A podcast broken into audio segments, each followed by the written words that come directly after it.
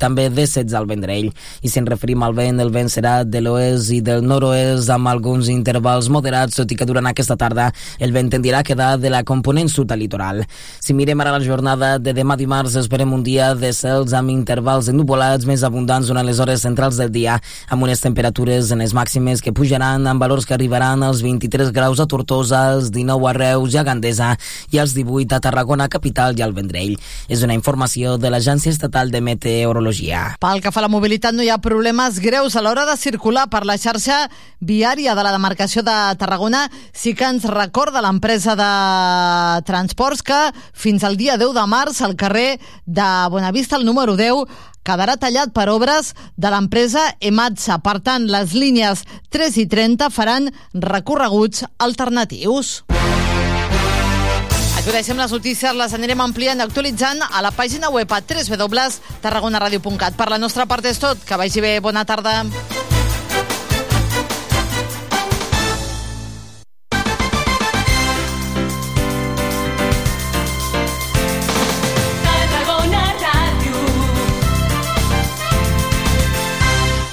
Port Tarragona ha fet seus els objectius per al desenvolupament sostenible de Nacions Unides. El Pla de Sostenibilitat del Port desplega els 17 ODS amb més de 80 accions per protegir el nostre entorn natural, amb l'objectiu de reduir en un 99% les emissions de CO2 de l'autoritat portuària al 2030. Port Tarragona. Port sostenible. Més informació a porttarragona.cat. Hola, sóc la Montse Adan. I jo sóc l'Uri Mas. I et donem la benvinguda a Cela Cupido, la gàbia de l'amor romàntic. Com tu, portem tota una vida aquí dins, tot i que ens costa, com a tu, palpar les parets i els límits d'aquesta gàbia. Tot i això, sabem que hi són i cada cop som més els que hi xoquem. I és clar, igual que tu, no ens agrada estar tancades contra la nostra voluntat. I és per això que cada setmana, de 3 a 4 de la tarda a Tarragona Ràdio, estem amb tot de persones meravelloses que, com tu i com naltros, estan aquí tancades, però miren amb esperança més enllà d'aquests barrocs. Acompanya'ns i ajuda'ns a traçar plans d'escapada d'aquesta cel·la. La, La cel·la cel·la Cupido.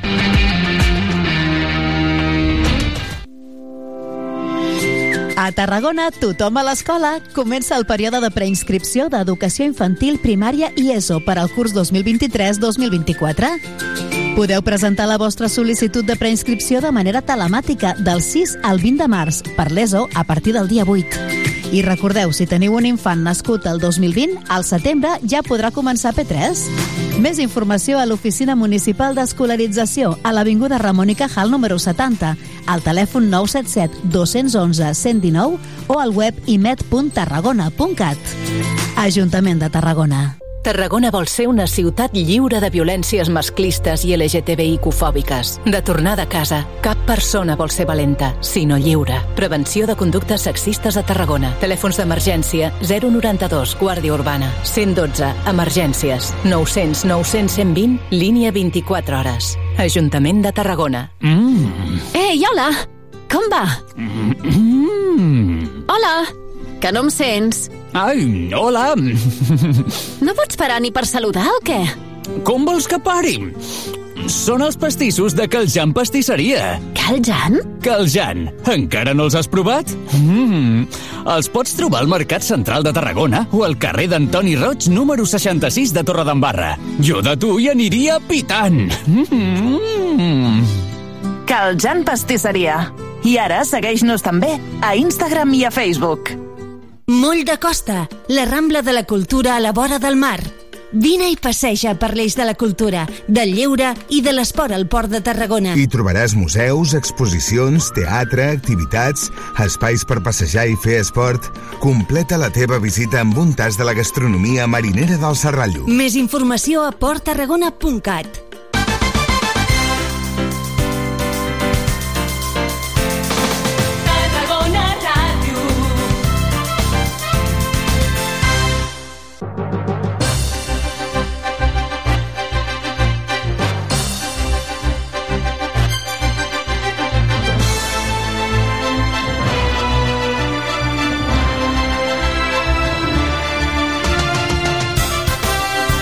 Sempre Nàstic, el programa de referència de l'actualitat del Nàstic a Tarragona Ràdio.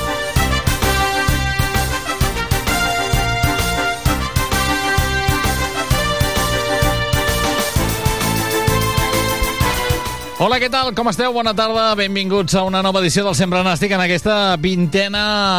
En aquesta vintena, no, trentena. Li he posat 10 anys menys al programa, eh? Trentena temporada del programa a l'antena de Tarragona Ràdio. No es poden fer dues coses alhora, eh?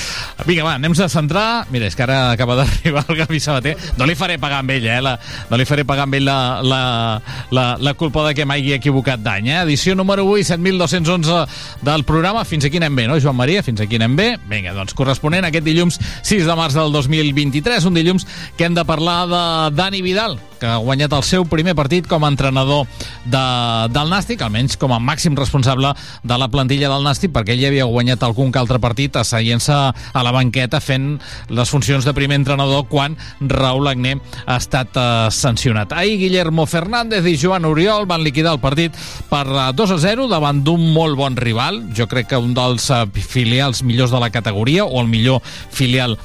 d'aquesta categoria i és que hi vam veure un estic molt diferent al de les darreres jornades. D'entrada, l'equip ja no està depressiu com estava amb els darrers partits. L'equip ahir va mostrar rauxa, ganes, eh, en tot moment va donar la cara i s'ho va deixar tot el terreny de joc, aquells fets eh, que eren innegociables per Dani Vidal, tal com ja havia explicat en la seva primera roda de premsa. Ahir el nàstic de Dani Vidal amb Manolo Martínez com a ajudant va buscar de nou l'essència del 4-4-2, un esquema molt clar, pressionant la sortida de pilota del rival i sent consistent en defensa des de la solidaritat i les línies juntes. El Nàstic, amb aquesta victòria, s'ha situat 4 punts per sobre del descens. Ara l'important és anar fugint de la zona baixa de la classificació. Per davant queden 12 jornades. Veurem on arriba aquest gimnàstic de Tarragona. Però, sobretot, hores d'ara, l'important aquí és la permanència a la categoria. Comencem, com cada dilluns, amb la nota positiva i negativa del cap de setmana.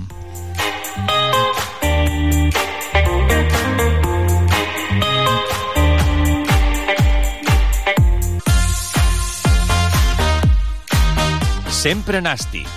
El semàfor. I el semàfor de la jornada és per uh, Dani Vidal, el semàfor verd, eh? que en la seva estrena ens uh, va presentar un nàstic diferent al de les darreres jornades, va tornar a ser aquell equip reconeixible per buscar el camí de la victòria que li serveix per esveir els fantasmes de la zona baixa de la classificació. Vidal va buscar l'essència del 4-4-2 i després del partit deia que l'equip ha entès que l'esforç és innegociable per obtenir la victòria.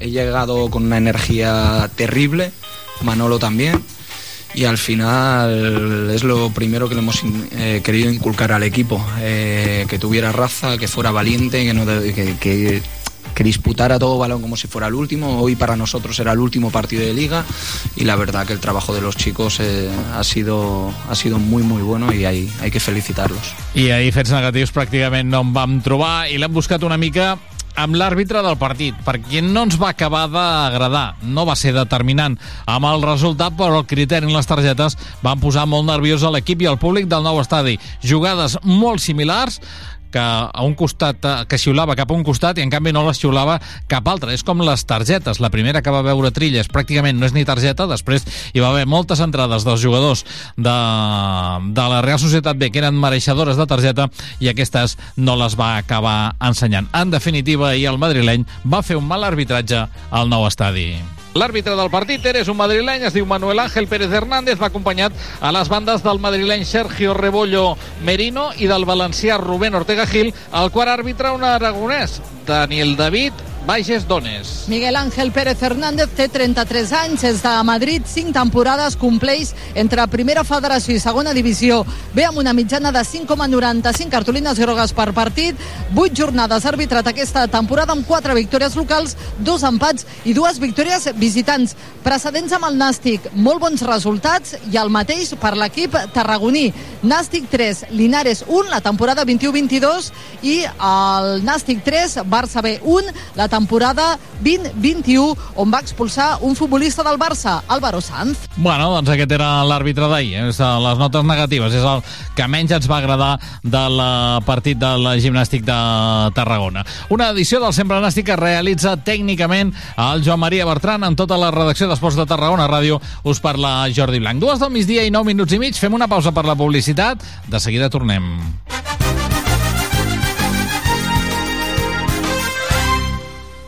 Port Tarragona ha fet seus els objectius per al desenvolupament sostenible de Nacions Unides. El Pla de Sostenibilitat del Port desplega els 17 ODS amb més de 80 accions per protegir el nostre entorn natural, amb l'objectiu de reduir en un 99% les emissions de CO2 de l'autoritat portuària al 2030. Port Tarragona. Port sostenible. Més informació a porttarragona.cat. A Cotet Tarragona volem que visquis els partits del Nàstic intensament i amb tots els sentits. Per això, si visites Cotet Tarragona i menciones aquesta falca, et regalem una revisió visual i auditiva i un 20% de descompte directe amb totes les nostres ulleres de sol i graduades. No et conformis amb menys. Viu la màgia del nostre equip millor que mai. Cotet, òptica i audiologia Tarragona. A Rambla Nova 61. Mm. Ei, hola! Com va? Mm. Hola! Que no em sents? Ai, hola! No pots parar ni per saludar o què? Com vols que pari? Són els pastissos de Caljan Pastisseria. Caljan? Caljan. Encara no els has provat? Mm. Els pots trobar al Mercat Central de Tarragona o al carrer d'Antoni Roig, número 66 de Torredembarra. Jo de tu hi aniria pitant. Mm. Caljan Pastisseria. I ara segueix-nos també a Instagram i a Facebook. Posa't les mans al cap, ja és aquí, ja ha arribat. Cau una pluja d'eufòria,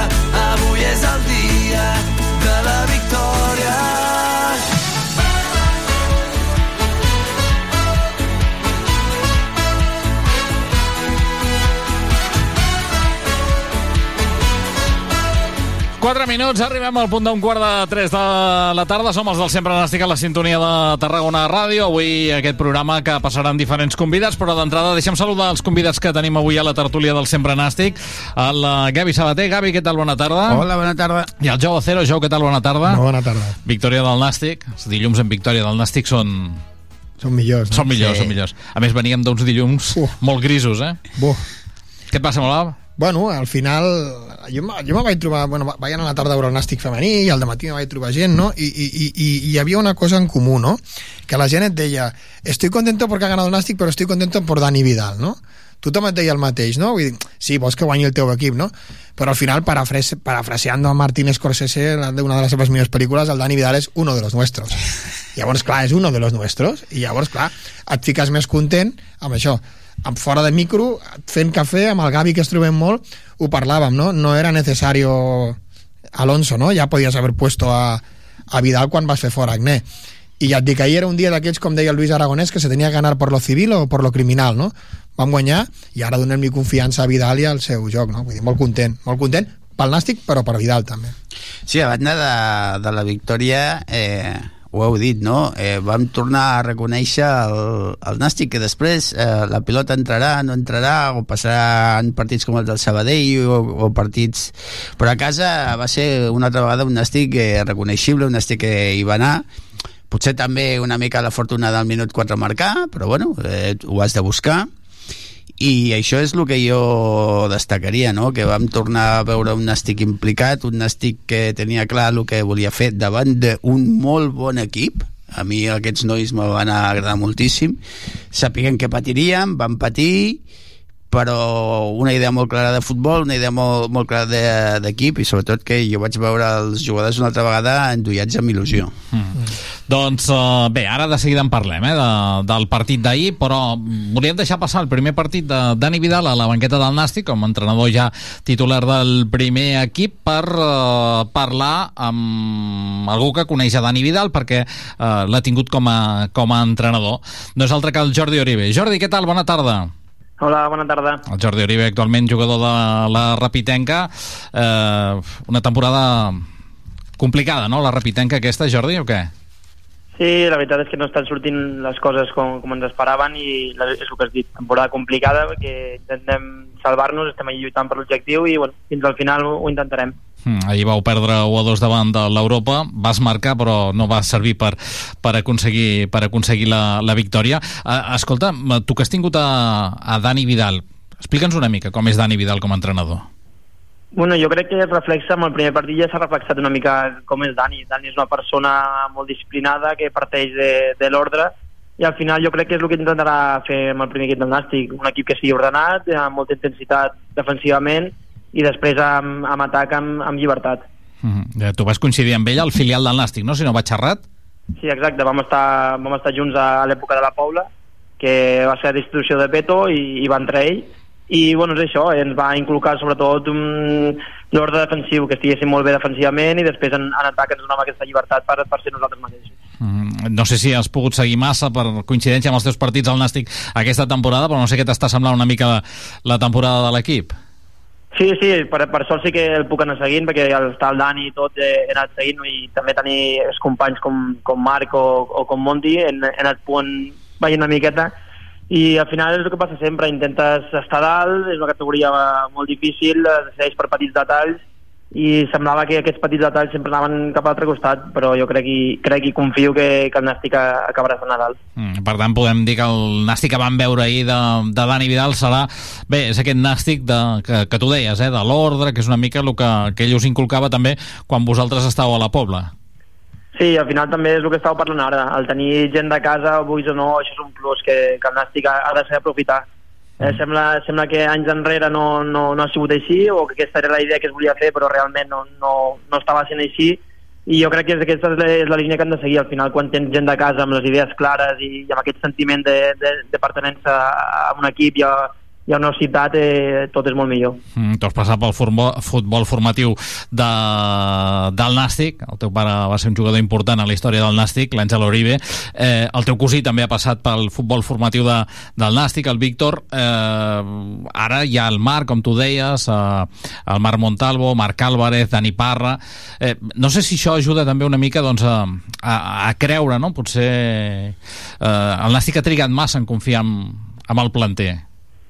Sí, jo crec que sí, és la meva opinió personal, que al final la, el planter del Nàstic és un planter que, que té molts bons jugadors, que al final acaben arribant per un costat o per l'altre, acaben arribant a, a categories professionals i, i altres que també es perden pel camí, però potser perquè te falta oportunitats que crec que realment s'han de, de donar. Ara mateix els noms que has comentat tu, tant Dani Parra, Monti, com el propi Marc, són jugadors de, de, de la cantera de casa que, que estan a un gran nivell i, i s'ha d'aprofitar.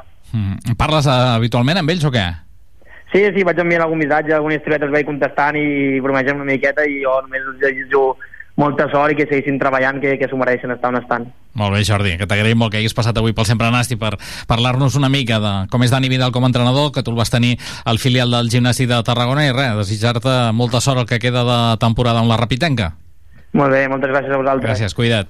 Adéu, adéu. Doncs el Jordi Oribe, el fill del mític exjugador del Nàstic Àngel Oribe, cosí de Víctor Oribe, que va arribar a debutar amb el primer equip del gimnàstic de Tarragona, que ara juga a la Rapitenca, una Rapitenca que ho està passant malament aquesta, aquesta temporada, però que ens ha explicat una mica com és Dani Vidal com a, com a entrenador i a més a més, eh, doncs clar, va coincidir amb jugadors que ara estan al primer equip del, del gimnàstic de Tarragona. Veurem si poquet a poquet aquests noms es van ampliant, no?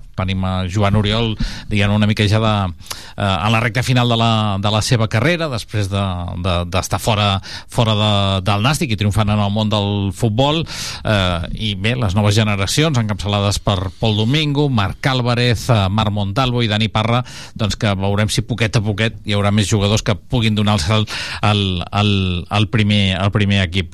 Eh, ahir dèiem, eh, victòria de, del Nàstic, un Nàstic que sobre la gespa, no sé, Gavi i jo què en penseu, però semblava que s'havia recuperat d'aquella, no sé si dir depressió, apatia o el que veiem del Nàstic en aquestes darreres jornades de Lliga.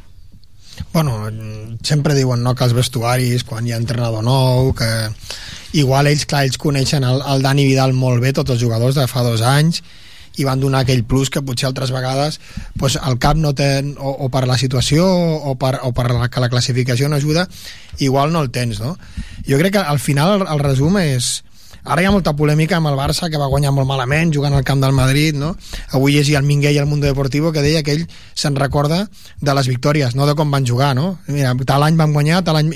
Pues això és igual, vull dir, en el pas de les setmanes el que és important és que el primer partit que han anat el Dani Vidal hem guanyat. Que hem jugat millor o pitjor? És igual, hem guanyat. Ahir era un dia per guanyar i deixar-nos de floritures i d'experiments. Vam guanyar amb, amb el que és especialitat del Dani Vidal perquè són les jugades tàctiques que és el que jo crec que m'aixecarà ell perquè és un, tothom diu que és un gran analista tècnic de, a pilota parada i és el que haurem d'aprofitar tenint jugadors com el Guillermo o els, o els Fernández dir, jo crec que l'important són els tres punts i és el que jo em quedo del partit d'ahir que vam guanyar Sí, i, i jo crec que vam tornar una mica als, als orígens, no? Mm. Eh, fa molt temps que el Nàstic no juga un gran futbol. És, és veritat, vull dir eh, potser des de Vicente Moreno que no hem tornat a, a jugar un gran futbol hem portat el tipus d'entrenadors que hem portat i hem portat eh, els Quins jugadors tenia Vicente Moreno? Sí, sí, sí però, però em refereixo una mica a l'estil no? Eh, i potser una miqueta el, el, el gran error de l'entrenador anterior va ser que va intentar canviar-ho tot en molt poc temps. Potser, no sé, ho, ho parlo des, des de fora. Ahir el que vam veure és una intensitat defensiva brutal perquè em sembla que Manu va fer una parada d'un tiro llunyà i una jugada lateral i gaire cosa més i és allò, no? Eh, sempre hi havia, afortunadament, una, una cama d'un jugador, un jugador que es llançava al terra, com Trias, que va, va, va aturar una jugada de, del 27, que sí. és un gran jugador, Pablo Marín? Pablo Marín, sí senyor. I aquesta jugador és... que ha debutat amb el primer equip, sí, ja. Sí, sí. I aquesta és l'essència del nàstic dels últims 3 anys, o 4 anys.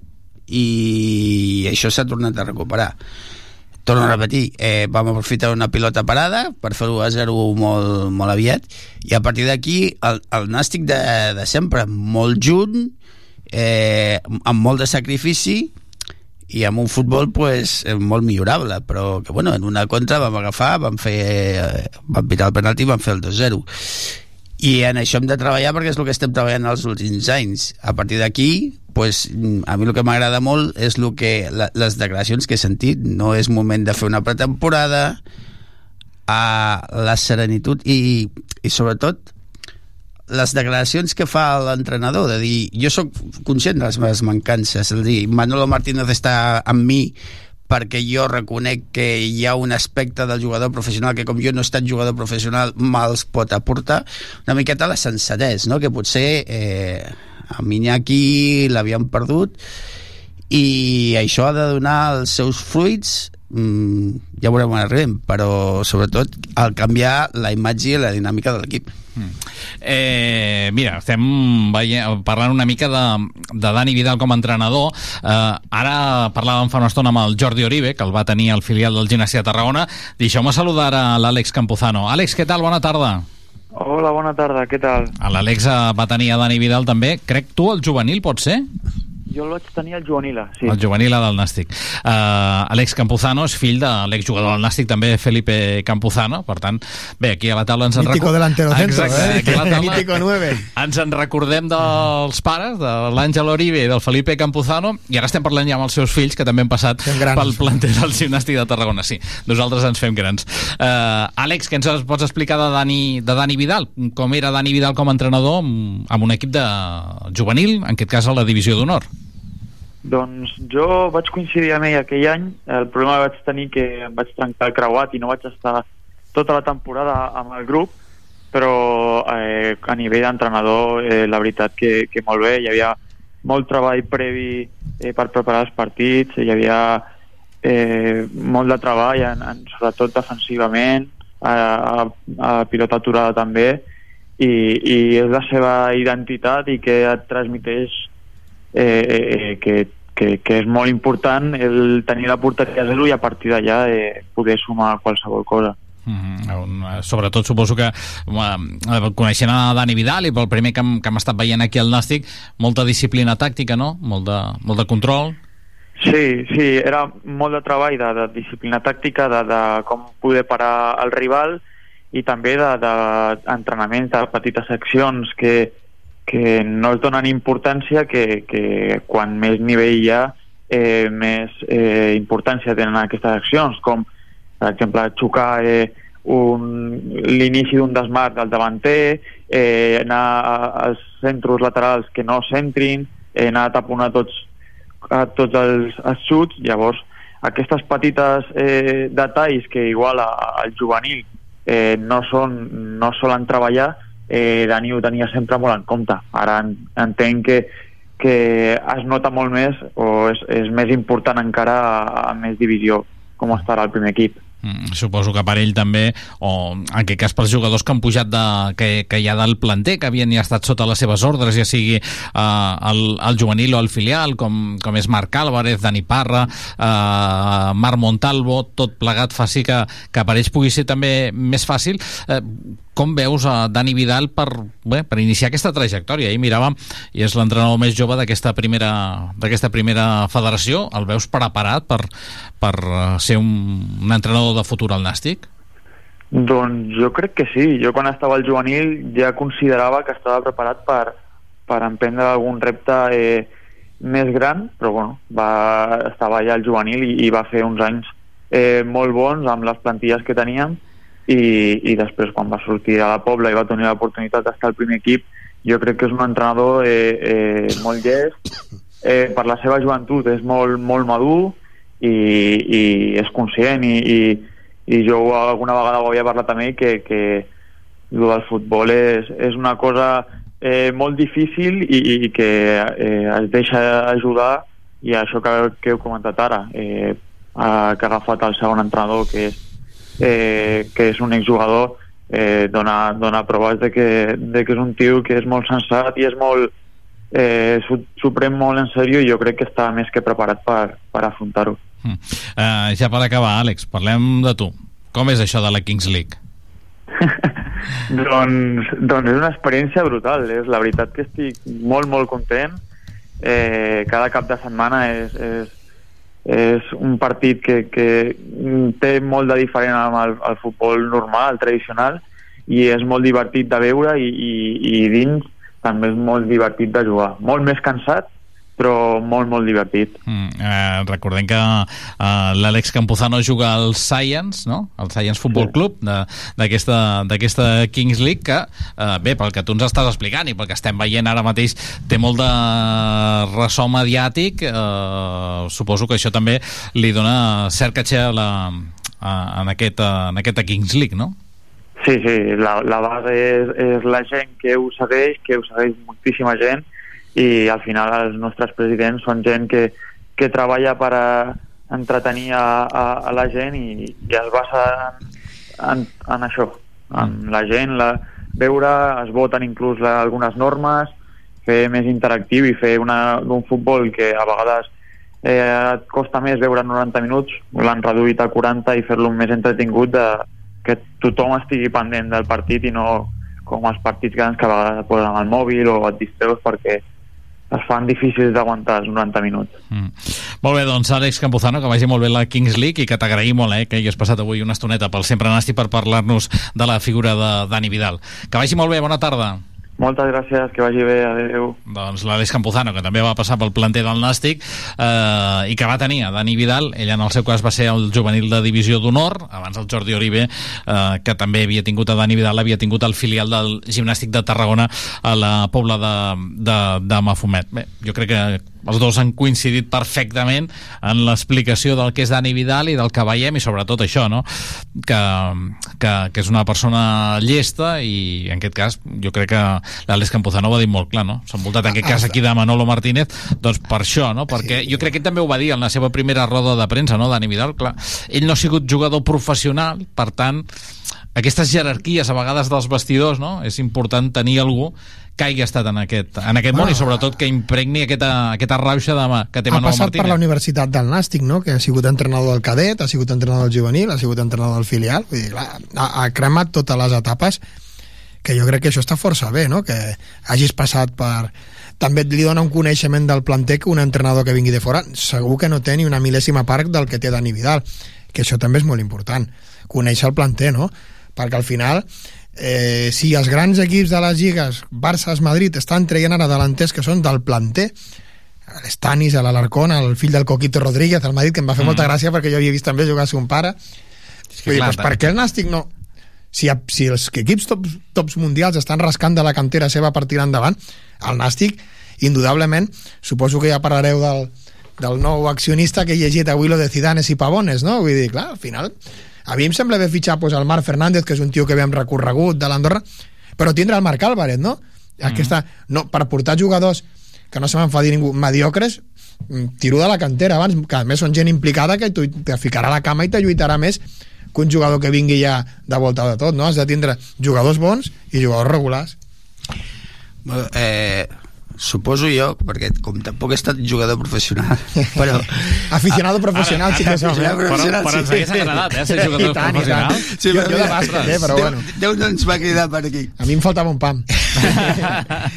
Eh, suposo que eh, per guanyar un partit hi ha 10 coses que representen el 99% de, de les possibilitats de guanyar un partit i ja són coses que et donen el 10% restant però aquestes 10, 10 coses, eh, 100 coses potser són fins i tot més importants perquè amb la igualtat que hi ha avui en dia al futbol totes les categories són superprofessionals, tots els jugadors són super, superprofessionals, els entrenadors estan molt preparats.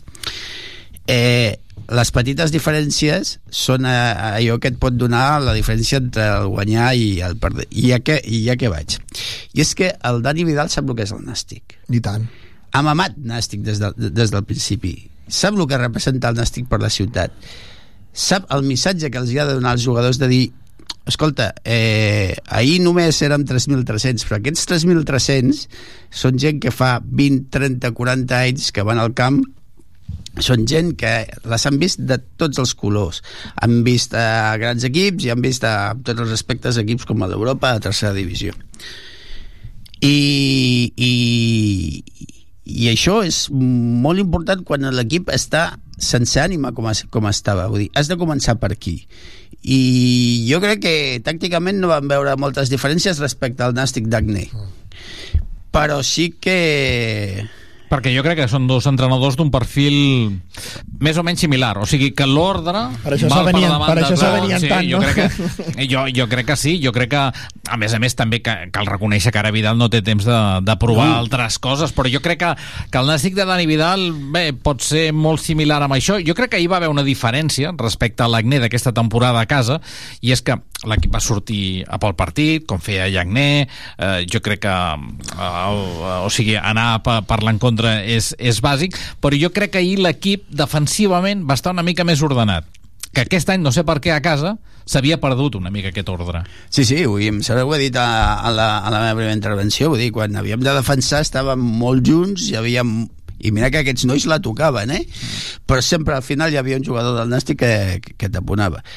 I torno a dir, lo que, connectant amb el que deia al final, a mi tot això em demostra intel·ligència. I després ja sabem que en el futbol moltes vegades la glòria o, o, o el fracàs ve d'un centímetre, que la pilota entri o no, i són coses que no pots controlar. Però almenys vam tornar a veure una miqueta de sentit comú respecte a el que ha estat el Nàstic en els últims anys i el que va intentar que el, fos el Nàstic Vidal el Nàstic, el Dani Vidal aquest diumenge. I jo crec que és un entrenador que faré un símil molt fàcil, eh? pues com el Xavi amb el Barça.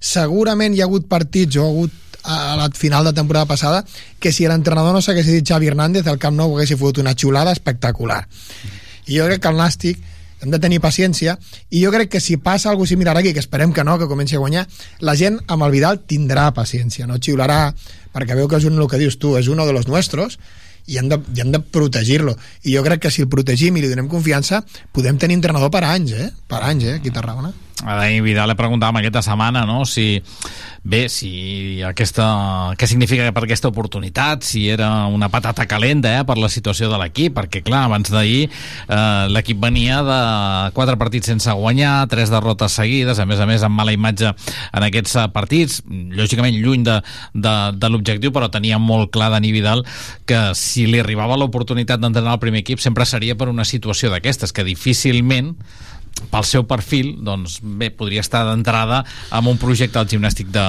de Tarragona i ell reconeixia que aquesta era la gran oportunitat de la seva vida. Correcte. Correcte, i, i torno a dir, representa el, el Sein, el, el saber quin és el teu paper en el club i que quan t'arribi l'oportunitat serà per apagar un foc i si tu durant cert temps has estat preparat eh, per això, doncs t'arriba l'oportunitat i en una setmana almenys aconsegueixes canviar l'estat anímic de l'equip Lo qual I no és poca cosa. i de l'aficionat. Sí, eh, i a més tens tota la, la raó, Jou, i a més perquè jo estava més preocupat diumenge del, tant se me'n fot del que ha fet l'equip que no de si haguéssim acabat tots i, i jo el primer, eh? perquè vas veure que jo no anava a cap, a, a cap, a cap lloc i, i, i bueno però clar, per canviar l'estat de- d'ànim de l'afició has de canviar l'estat d'ànim de l'equip i has de veure un equip que va sortir com va sortir ahir que es va- s'ho va deixar tot com s'ho va deixar ahir Ara dissabte toquen el Johan Cruyff davant del Barça B. El club està preparant un desplaçament, una marea grana. Suposem que en les properes hores eh, tindrem detalls ja d'aquesta marea grana i Dani Vidal que es retrobarà amb l'escenari on l'any passat ell com a entrenador titular, per dir d'alguna manera, perquè Agné estava sancionat, va aconseguir la victòria. Per tant, és allò tan fàcil com repetir, no? Repetir el que ja va aconseguir l'any tornem a pervertir les lligues perquè quan vaig arribar a casa vaig estar mirant un rato al Múrcia-Barça B a l'Estanis estava convocat amb el primer equip i no va jugar amb el Barça Mm. B, a l'Alarcón també. Clar, jo no sé si dissabte a l'Estanis o a l'Alarcón, perquè clar, que el Barça B jugui amb l'Estanis o l'Alarcón o no canvia moltíssim, perquè ahir vaig veure el Barça B i no em va semblar... Va tindre molta sort ahir, El eh? proper cap de setmana ja et vaig avançar la mala notícia. I és que ahir el Múrcia-Barça Atlètic, no? Es jugava ahir al Que van- tarda vespre. van- el que sí que van expulsar- El, el Barça primer equip va jugar per la tarda. Aquest mm. cap de setmana que ve el Barça Atlètic juga dissabte per la tarda i el primer equip del Barça juga diumenge ja tornem a, al pervertir, vespre, ja, no? ja tornem a, Bilbao, a, no a, a, a lo que soc, a Sant repeti, Mamés. soc repetitiu, que tothom ja ho he dit mil vegades que sóc anglès de, de, de naixement i de família d'allí, de la lliga de filials, perquè al final, segons l'equip que et toqui, a, amb el Barça ara, o l'any passat, mira, vam tindre sort amb el Madrid que la tassa el van prendre amb el primer equip i el Madrid no va jugar aquí. O sigui que també ho dic amb el positiu i amb el negatiu. Dissabte que ve anirem ahir al Johan, amb l'Estanis, amb el no sé què, i clar, ja no és el mateix que no... L'únic positiu és que van expulsar el central del, Sí, del Barça B, sí, sí, sí. que dic, bueno, mira, uno que no juega. Eh, bueno, sigui com sigui, això serà el proper cap de setmana per tancar el tema esportiu perquè de seguida hem de parlar del tema econòmic o del tema social, o no sé exactament com anomenar-lo, el tema de composició de Consell d'Administració, perquè escoltarem a Frederick Wester, aquest accionista Ese que, hombre. que ja no... Ese Exacte, ese hombre. Ese hombre. Eh, arriba sis setmanes tard el relleu a la banqueta. Creieu que el, l'aposta Iñaki Alonso va, era fallida ja des del primer dia i que s'havia d'haver apostat per Dani Vidal perquè realment a la terna aquell dia estava damunt de la taula també. Jo, de veritat, són d'aquestes coses que, que fa el Consell que jo a vegades no acabo de- d'entendre. De, i, i, i, I nosaltres tenim un avantatge, és que sempre opinem quan les coses han passat. Ah, i en home, i tant que però, sí. Però, però, i a més me sembla que el Jou havíem, Però, eh, sí, sí, però havíem havíem parlat. comentat. Però abans de que passessin ja... però clar, Ja és que, dir, és que tu dius, te, te ve un entrenador que el seu últim èxit és de l'any 2012 eh, doncs no serem professionals de futbol, però nosaltres ho havíem vist que no... Vull dir, jo puc entendre que al final no vulguis portar monitis perquè et costa un calaram, perquè té les seves condicions i no estàs disposat perquè no està d'acord amb el teu pla de club. Ho entenc. Però llavors sigues valent. I aquesta decisió que s'ha pres ara, doncs l'ha pres sis setmanes abans, que potser tampoc hagués anat bé, no ho, no ho sabem, però jo crec que hagués tingut una mica més de coherència. Jo ja ho vaig dir aquí, el dia que feien... Jo, jo ja no haguessi fet fora Agné, perquè el meu fill és entrenador i, no sé, estava encantat amb l'Agné i al final la família t'influeix, no? Però si havia de fer fora l'Agné, ho tenia claríssim que tenia que ser el Vidal, però vamos, claríssim. I de fet hi ha un fet sintomàtic, no? Que es peten a l'entrenador però es peten amb algú més, no? Jo crec que El director esportiu. al patar-se algú més és perquè tu lo has traído, tu te vas con él. Hmm. Mm. Jo crec que deuen anar per aquí els tiros, eh? No ho sé, no estic a dintre, però tot fa pintar de dir, sí, sí, dos por el precio de uno. Gavi, tu saps qui és Frederick Wester? Ho vaig descobrir ahir mentre anava al futbol escoltant Tarragona Ràdio. Jo sí, jo sí, jo he estat a la Banyotja i un dia que la meva filla es feia una foto amb el Pochettino i també se l'estava fent i me vam dir és el... perquè jo tinc una mica de relació pel tema del futbol femení amb el tot, amb el tot beant Tot veient que és bé, la mà dreta de Frederick Wester, No sé, podríem no, dir, més o menys, no eh? però és un tio molt maco i molt accessible i molt agradable el tot beant, el Frederick Wester no, no, no l'he conegut Que el tot, a més a El més, tot és molt maco. és gendre de Johan Cruyff, Sí, sí. eh? Uh, Tant la metodologia. Uh, ara ara l'escoltarem, perquè ens va fer una mica d'intèrpret. Bé, tot ve donat perquè ahir Frederick Wester, uh, aquest uh, membre del Consell d'Administració, ja fa dos anys que està en el Consell d'Administració, tot i que el vam conèixer en el darrer Consell, perquè en l'anterior, o Junta General d'Accionistes, millor dit, eh, de dos anys que, que forma part ja del Consell d'Administració, la primera Junta General d'Accionistes en què ell era membre del Consell no hi era per assumptes uh, personals, sí que hi era en aquesta darrera Junta d'aquest uh, bé, d'aquest final d'any passat. Eh, i hi havia hagut molt rebombori en xarxes socials i havia quedat ahir abans del partit contra la Real Societat amb uns aficionats a un dels bars de, de la platja de la, de la Rebassada i bé, dia, el dia abans, dissabte, va sortir una entrevista al diari de Tarragona, des de fa temps molts mitjans havíem sol·licitat entrevista amb Frederick Wester, el diari era el primer, per tant va tenir aquesta entrevista dissabte passat, nosaltres som els segons, però avui ens han dit que vés a saber quan ens tocarà, vull dir, no hi ha una fórmula màgica, però bé, ahir sí que ell mateix es va apropar als nostres micròfons, hi havia la Tere, com sempre, a l'esplanada de l'estadi, eh, pendent dels aficionats i principalment d'aquests aficionats que s'havien reunit amb ell, per conèixer una mica que els havia explicat, i ell mateix es va apropar als micròfons de Tarragona Ràdio i quin és el resultat d'aquesta entrevista. ¿Cómo ha ido la reunión con los aficionados? Yo creo muy bien. Uh, muchas preguntas del club, uh, de la nueva ciudad deportiva, etcétera. Bueno, bueno. ¿Cuáles son las intenciones de Fred Wester eh, con el Nastic de Tarragona? Ahora hablábamos con uh, Mar Montalvo. Apuesta por gente de, de, la casa, con este ADN de, de Tarragona, eh, potenciando el fútbol base del Nastic. ¿Estos son los objetivos? Some of the objectives to support the youth system and, uh, and the identity of Nastic as you come into the club. Sí, eh, sí de la competición eh, local en Cataluña es brutal en, en fútbol base, pero yo creo um, podemos ser eh, el número 3, 4 en Cataluña, eh, el Nastic, sí, es la meta. ¿Por qué Tarragona? ¿Por qué el Nastic de Tarragona? Porque un empresario sueco eh, se interesa por un club de fútbol como el Nastic. Why does a Swedish businessman uh, take interest in a club and uh, support the club at Nastic? Sí, um, um, eh, llegué en Nastic para, para ganar partidos. Es uh, solo la verdad. la sola cosa, sola cosa. Era un, uh, un, equipo ganador con proyección en Cataluña. Hablemos de su participación en el Nastic de Tarragona con este 20% de las acciones, eh, los dos préstamos, eh, objetivos también de participación de Fred Wester en el Nastic de Tarragona, ¿por dónde pasan? So I was just asking about the actions and, the, and the, uh, your percentage in the club and what your intentions are moving forward. Eh, la intención es eh, para, para, participar en el viaje que es el Nastic de Tarragona y eh, como, como me dice ganar partidos y sí, es todo. José María Andreu ha de ser el presidente del Nastic de Tarragona. Si algún día busca sustituto Andreu, eh, ¿Wester estaría dispuesto a ser presidente algún día del Nastic de Tarragona o descarta esta opción? No, no es una opción. No, no quiero ser presidente del club, pero quiero ayudar al club eh, en eh, cosas eh, diferentes si necesitas. ¿Cuáles son los eh, principales objetivos, las principales eh, cuestiones que se tienen que abordar desde un principio? Hablaba del fútbol base, esta apuesta por futbolistas de la casa, con una ciudad eh, deportiva, imagino que fundamental. What is the objectives in terms of youth football and also with uh, the new a new facility? Sí, la ciudad deportiva eh, es um, es muy muy importante para fútbol base eh, a este momento porque el campo a momento es eh, es malo. Es eh, tenemos lesionados de, de, por, por el por el terreno de del campo, entonces necesitamos un, un campo nuevo.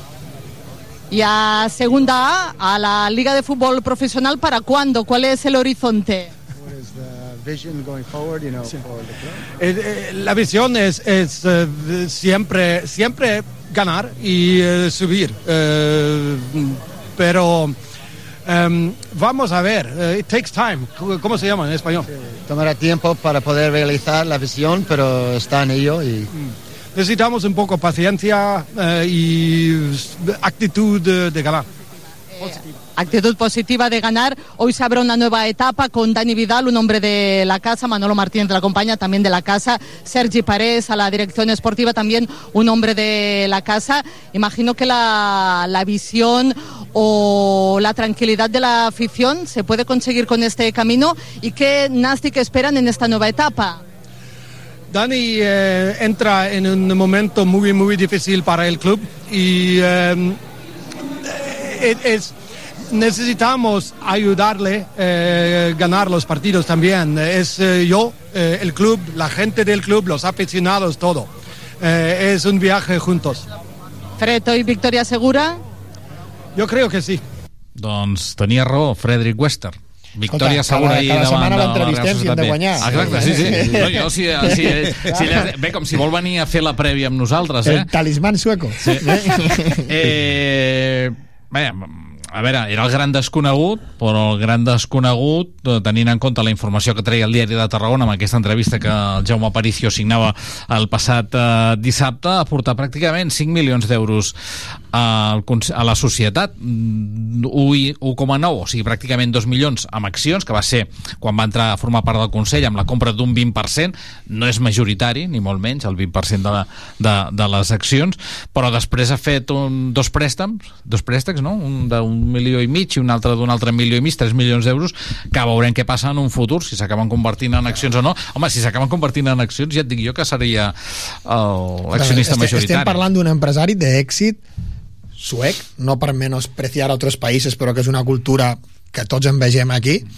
Vull dir, jo crec que si tenim que tindre un aliat extern o ara ja intern i que fiqui, i que fiqui calés i que compri accions, home... Home, molt d'èxit, no?, amb aquesta, Molt d'èxit. amb aquesta Sí, sí. empresa que té de Jo- jo- videojocs. jo- el que diem de les- jo- que- 35 milions d'euros eh, el que diem un de cop la pagats genera... els impostos, el darrer any, eh? El que diem de 35. les edats, no? que tenim, per exemple, el meu fill té 21 anys i quan es va enterar diu, papa, diu, esta empresa és de hòstia, jo soy consumidor de juegos, de no sé què. Jo no tenia ni idea qui era. Però clar, el meu fill 21 la coneixia perfectament, no?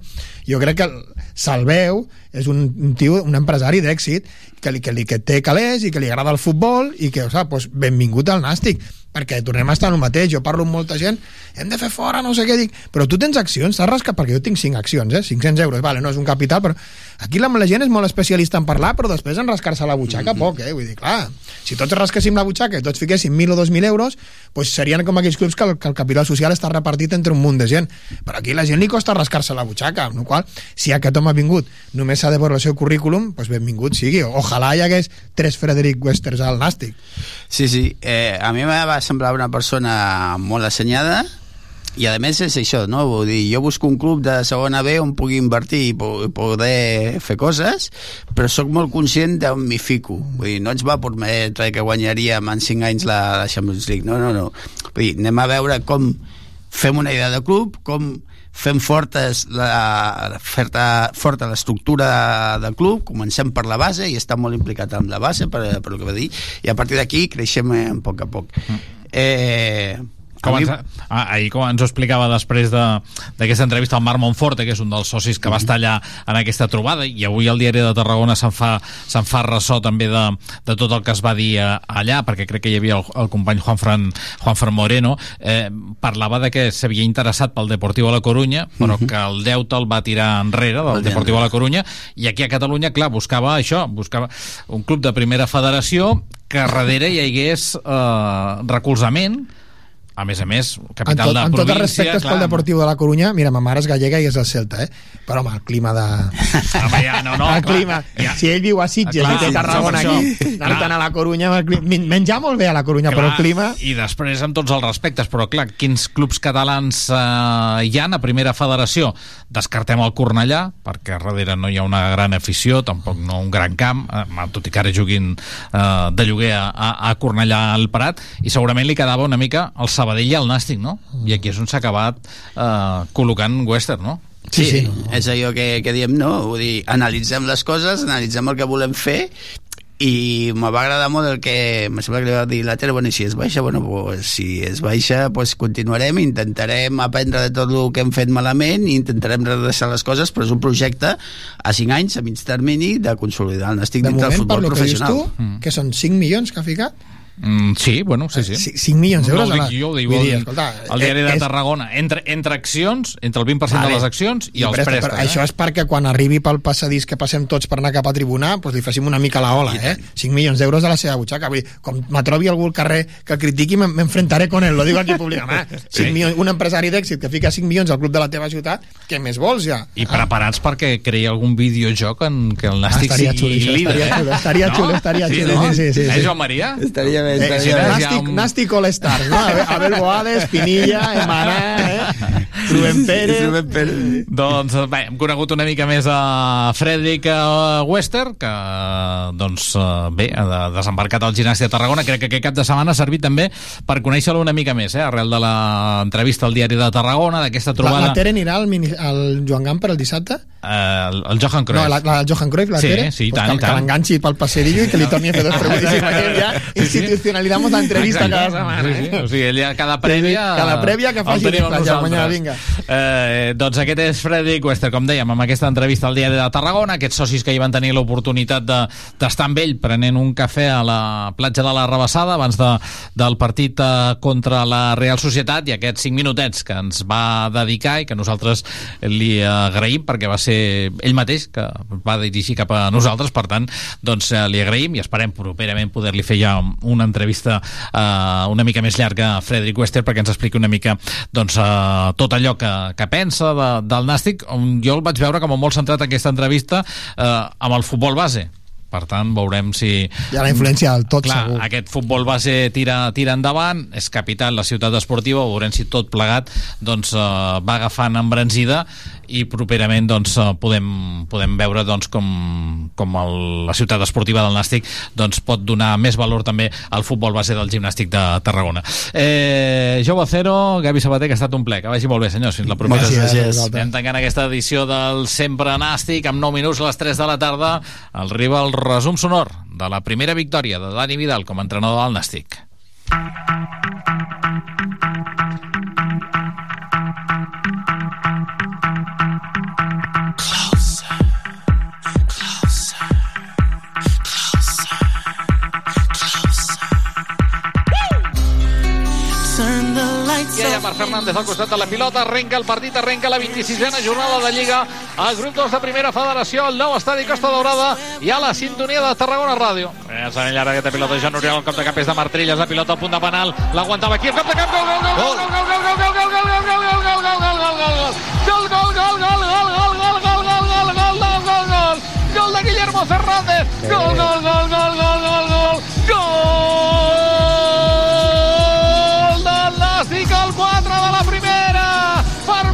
s'acaba la sequera, Guillermo, per fi el de Bilbao, el Bas torna a trobar el camí del gol amb aquesta jugada de pressió alta, el que obliga a la Real Societat a que no pot sortir en comoditat, en què la pilota cau a la banda dreta, en què hi ha una centrada i allà apareix Guillermo Fernández per posar la pilota al fons de la xarxa per marcar aquesta temporada el seu sisè gol amb la samarreta grana.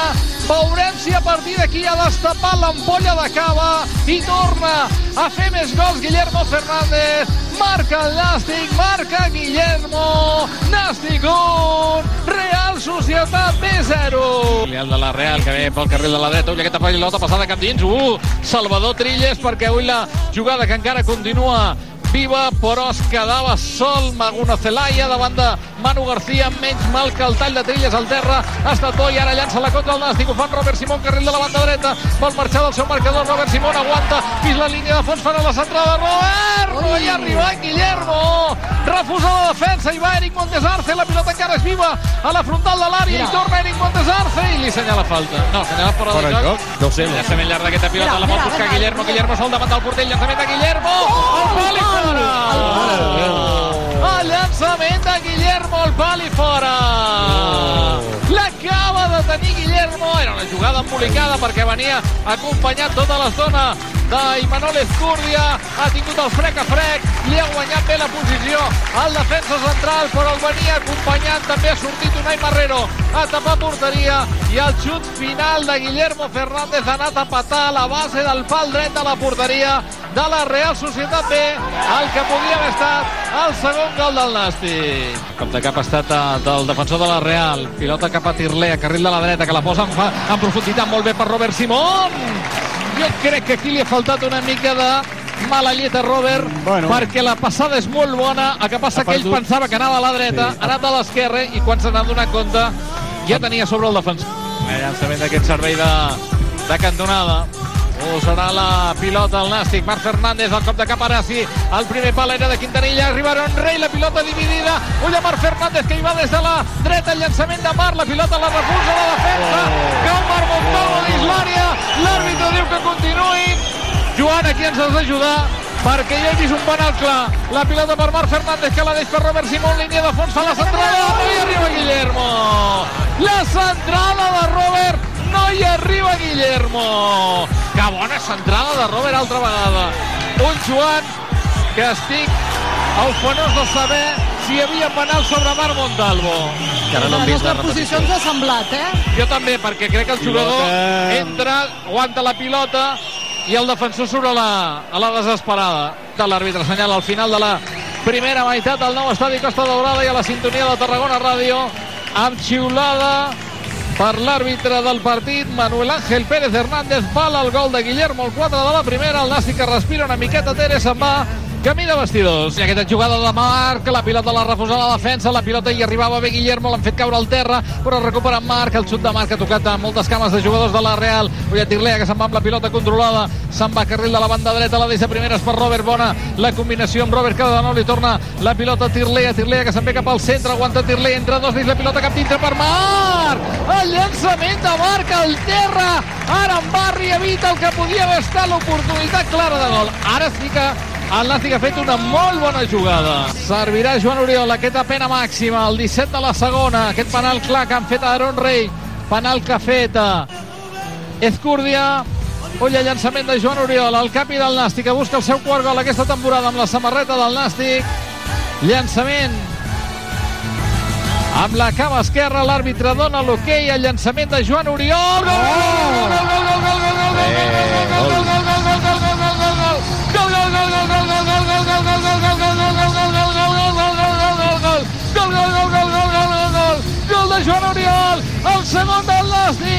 gol del capi del Nàstic, el quart d'aquesta temporada amb la samarreta del Nàstic. Marca Joan Oriol, marca el Nàstic, Nàstic 2, Real Societat B0. Ara Dani Vidal li pregunta a Xavi Roc si això s'ha acabat. Roc li ha fet que un, que un minut queda encara. I no vol mirar ni el partit, eh, Dani Vidal? Posarà la pilota Manu García i avui farem bo allò d'entrenador nou Victòria Segura, eh, Pitu? Llançament de la pilota, la posarà Manu García, queden 5 segons en quan tregui Manu García i això estarà de Tibanaït i el Nàstic sumarà Eh. la novena victòria d'aquesta Lliga. Al nou estadi Costa Daurada el Nàstic que torna a guanyar un partit amb el debut de Dani Vidal a la banqueta del Nàstic. Un Nàstic que ho ha donat tot sobre el terreny de joc i que s'emporta els 3 punts davant del filial de la Real Societat. Han estat 4 jornades sense conèixer la victòria amb un empat i 3 derrotes seguides. Dani Vidal debut avui i aconsegueix la victòria. Valen els gols de Guillermo que també ha sortit de la sequera golejadora després de moltes setmanes de no marcar el minut 4 de la primera meitat. A la segona el 18 Joan Oriol ha transformat un penal que li han fet a Aaron Rey. Victòria del Nàstic que ho celebra ara mateix a la gespa del nou estadi Tere